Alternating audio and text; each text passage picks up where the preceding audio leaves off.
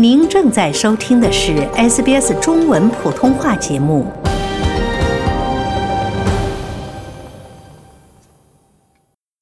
大家好，我是 Lauren 陈龙。本期 SBS 新闻快报带您关注昆州教育部门出台的最新政策：昆士兰州的学生在明年开始上课时将被禁止使用手机和智能手表。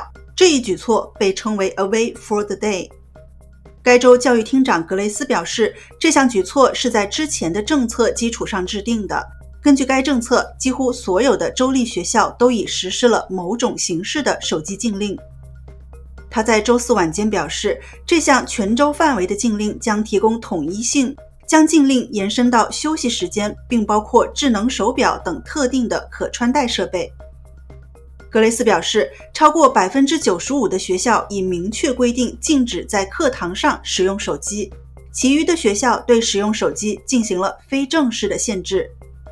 根据二零一八年反网络欺凌工作组的建议，所有的州立学校都被要求说明他们如何管理学生的手机使用，包括针对网络欺凌和课堂干扰的情况。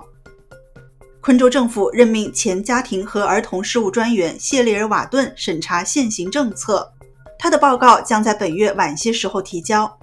但他已经提出了相关建议，核心建议之一是在全州范围内对上学期间使用手机和某些其他设备进行限制，具体实施方式根据学校而定。例如，一所位于内陆偏远地区的小规模学校可能会要求学生将手机交给指定的工作人员，而一所拥有数千名学生的学校可能会选择使用可上锁的袋子放置手机。格雷斯表示，他将继续与其他教育厅长磋商，以制定各州和领地一致的指导方针。学生仍然可以携带手机去学校，以便在课前或课后与父母或监护人保持联系。在特定的情况下，包括健康等方面的需求，使用手机也会有豁免权。在新南威尔士州，从今年十月起，所有的公立学校都将禁止使用手机。这一举措是工党的一项重要选举承诺，将于今年十月九日学生进入第四学期时生效。新州州长科明斯表示，他了解到许多家长对孩子在学习环境中普遍使用手机和科技产品感到焦虑。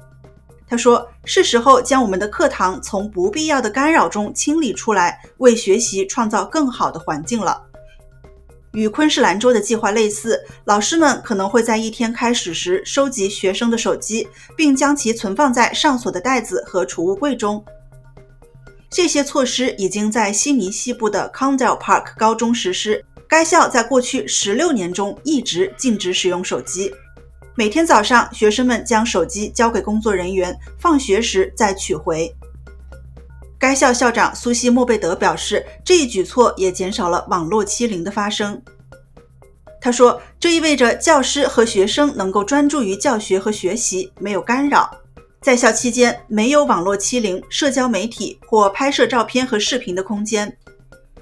新州的小学也已禁止使用手机。”而南澳洲、维州和西澳洲的中学同样也已经禁止使用手机了。新州州长柯明斯说：“这些禁令将根据专家意见和常识制定，以确保让我们孩子的学习成果有所改善。”感谢收听本期的 SBS 新闻快报，在任何播客平台搜索 SBS 普通话，点击订阅，开启消息提醒，即可了解澳洲国内外新闻及社区资讯。喜欢、分享、评论，欢迎您在 Facebook 上关注 SBS 普通话页面。